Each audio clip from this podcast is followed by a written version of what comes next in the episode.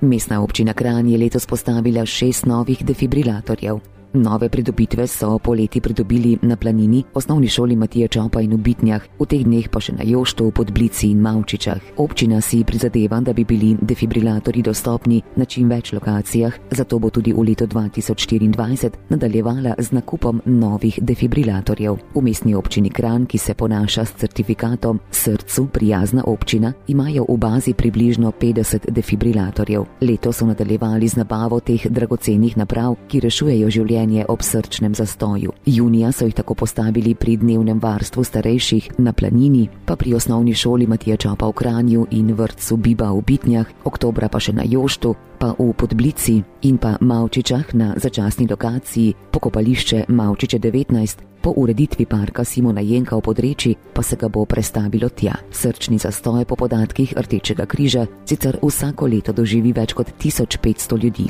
Možganske celice začnejo odmirati že med 3 do 5 minutami po srčnem zastoju, čas do prihoda reševalcev na kraj dogodka pa je običajno mnogo daljši. Zato je prvih nekaj minut po srčnem zastoju ključno pravilno ukrepanje očividcev. Če bi ti nemudoma začeli izvajati temeljne postopke oživljanja še pred prihodom reševalcev, bi lahko rešili kar od 2 do 4 krat več življenj. Prvi korak je prepoznavanje stanja. Če se oseba ne odziva in ne diha, gre za srčni zastoj. Drugi korak je klic na številko 112, na kateri klicatelju pomagajo z navodili, kako oživljati in kje se nahaja najbližji defibrilator. Na to je treba nemudoma začeti s tisi prsnega koša na sredini od 5 do 6 cm v globino in s frekvenco 100 stisov na minuto. Oživljanje se izvaja do prihoda reševalcev in, če je le mogoče, s pomočjo defibrilatorja. Za uporabo defibrilatorja so nam v pomoč slikovna in zvočna navodila. Zastoj srca, ki se zgodi izven bolnišničnega okolja,